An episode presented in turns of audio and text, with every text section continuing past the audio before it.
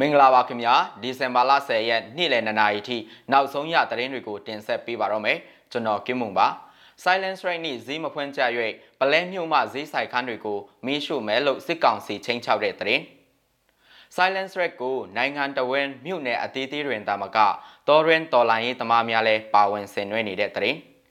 ငိမ့်တဲ့ချင်းတပိတ်မောက်တဲ့နေ့မှာအပြင်းမထွက်ကြဖို့အမေရိကန်နိုင်ငံသားတွေကိုတန်ယုံကညွှန်ကြားတဲ့သတင်းအပါအဝင်ဒီနေ့နေ့လယ်2နာရီထိ နောက်ဆုံးရသတင်းတွေကိုတင်ဆက်ပေးပါတော့မယ်။ပထမဆုံးသတင်းသဘောအနေနဲ့စကိုင်းတိုင်းပလဲမြို့မှာဈေးမှာဒီကနေ့ဒီဇင်ဘာလ10ရက်နေ့မှာအတန်တိတ်တပိတ် silence rate ဆင်နွှဲနေကြတဲ့ဈေးဆိုင်ခန်းတွေမဖွင့်ကြလို့စစ်ကောင်စီတပ်ဖွဲ့တွေကဆိုင်ခန်းတွေကိုတော့များရိုက်ဖွင့်ခြင်းမင်းရှုမဲလို့ချင်းချောက်ချင်းများပြုတ်လုခဲ့တယ်လို့ဒေသခံတွေကပြောပါတယ်။ ဒီနေ့နာနဲ့9နာရီခန့်မှာစစ်ကောင်စီအင်အား20ခန့်နဲ့လာရောက်ပြီးတော့ဒီလိုပြုတ်လုခဲ့ရတာဖြစ်ကြောင်းသိရပါတယ်။ဒီနေ့မနေ့9နာရီလောက်ကပလဲမြို့မှာဈေးကဆိုင်ခန်းတွေကိုစစ်သားအင်အား20လောက်ကတော့တွေရိုက်ဖွင့်နေနောက်နေ့ဈေးလာဖွင့်ရင်ဆိုင်တွေကိုမိရှုမယ်လို့အော်နေတယ်။10နာရီကြာရင်တခါထပ်လာခဲ့မယ်လို့ပြောသွားတယ်လို့ဒေတာခန်တုပ်ကပြောပါတယ်။နာနဲ့10နာရီကျော်မှာစစ်ကားတစ်စီးထပ်ရောက်လာပြီးတော့တနတ်ဖောက်ချင်းချောက်ကစိုက်ဖွင့်ခိုင်းပြီးတော့ စိုက်ခန်းတချို့မှာပြန်ဖွင့်ခဲ့ရတယ်လို့သိရပါတယ်။စိုက်တွေကကြောက်ပြီးပြန်ဖွင့်ရတာပေါ့။ဖွင့်လဲဈေးဝယ်တဲ့လူမှမရှိတာ။စိုက်ခန်းတွေကတချို့ပြန်ဖွင့်ကြတယ်။ရွာတွေကတက်ရောင်းတဲ့ဈေးတွေကတော့မထွက်ဘူးလို့ဒေတာခန်တအုပ်ကပြောပါတယ်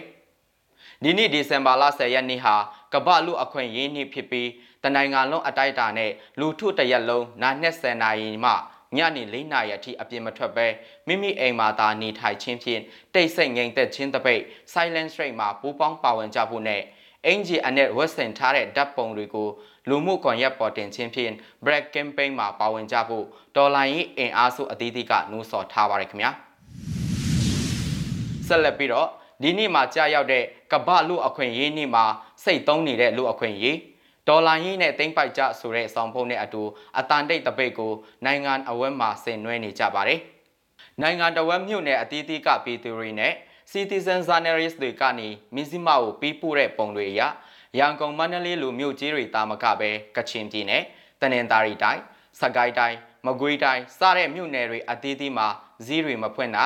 လမ်းပေါ်ကိုဘယ်သူမှမထွက်ကြဘဲနေချင်းဖြင့်တိတ်ဆိတ်ချင်းတပိတ်မှာပါဝင်ဆင်နွှဲခဲ့ကြပါတယ်။ ဒီလိုမျိုးကြီးတွေတင်မကပဲတော်ရင်းမှာရောက်ရှိနေတဲ့အမျိုးသားညီညွတ်ရေးအစိုးရတောင်ပိုင်းတိုင်းစစ်ဌာနချုပ်လက်အောက်ခံငကဖြူတပ်ရင်းမှစစ်တင်တန်းသားတင်တန်းတို့တွေကလည်းအတန်တိတ်တပိတ်ပါဝင်ဆင်နွှဲခဲ့ကြပါတယ်။တော်ရင်းအတန်တိတ်တပိတ်ဆင်နွှဲတဲ့ရုပ်တံဖိုက်ကိုလည်းဖွင့်ပြချင်ပါတယ်ခင်ဗျာ။ဒီဒီဒီလာပါတော့ဝေးစီပါဒီလေးဒီရလို့မာတော့ရဲ့သမိုင်းကိုမာတို့တွေနဲ့ရေးခဲ့ပြီတွေသစ္စာနဲ့ယူခဲ့ပြီယေဒီဒီဒီနာပေါလို့တွေစီက ညီတွေညီကြကိုမာတို့ရဲ့သမိုင်းကိုမာတို့တွေနဲ့ရေးခဲ့ပြီတွေသစ္စာနဲ့ယူခဲ့ပြီ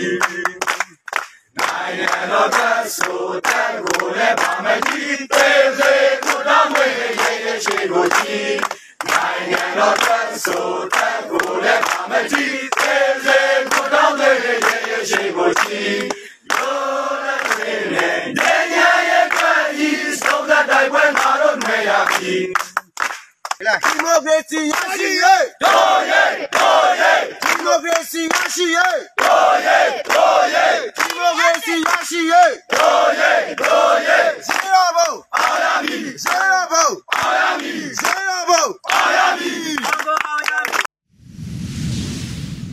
ငိမ့်သက်ချင်းတပိတ်မောက်တဲ့နေ့မှာအပြင်းမထွက်ကြဖို့အမေရိကန်နိုင်ငံသားတွေကိုတန်ယုံကညွှန်ကြားတဲ့သတင်းကိုတင်ဆက်ပေးချင်ပါတယ်။ ဒီဇင်ဘာလ10ရက်နေ့မှာမြန်မာနိုင်ငံတဝန်းငိမ့်သက်ချင်းတပိတ် silent strike ဆင်နွှဲကြဖို့လူမှုကွန်ရက်ပေါ်ရီကနေတဆင့်တောင်းဆိုနေကြချိန်မှာအဲ့ဒီနေ့မှာခရီးမသွားကြဖို့အပြင်ထွက်လှုပ်ရှားမှုတွေမလုပ်ကြဖို့သူ့နိုင်ငံသားတွေကိုရန်ကုန်မြို့အမေရိကန်တန်ယုံကကြေညာချက်ထုတ်ပြန်ထားပါတယ်။တန်ယုံအနေနဲ့ခိုင်လုံတဲ့အသေးစိတ်ချင်းချောက်မှုတွေမရရှိထားပေမဲ့ငိမ့်သက်ချင်းတပိတ်လုံနေစဉ်အတွင်းလုံခြုံရေးတပ်ဖွဲ့ဝင်တွေဘက်ကတုံ့ပြန်ဆောင်ရွက်တာတွေရှိလာနိုင်တာကြောင့် အိမ်မှာပဲနေကြဖို့အမေရိကန်နိုင်ငံသားအားလုံးကိုအထူးတတိပေးချက်ထုတ်ပြန်တိုက်တွန်းထားပါတယ်။ရန်ကုန်မြို့မှာမကြာသေးမီတုန်းကဖြစ်ခဲ့တဲ့ပောက်ကွဲမှုတွေတိုက်ခိုက်မှုတွေဟာမကြာခဏပေါ်ပေါက်လာနိုင်ဖွယ်ရှိပြီးထပ်မံအချိန်မြင့်စွာဖြစ်ပွားဖွယ်ရှိတယ်လို့လည်းတတိပေးထားပါတယ်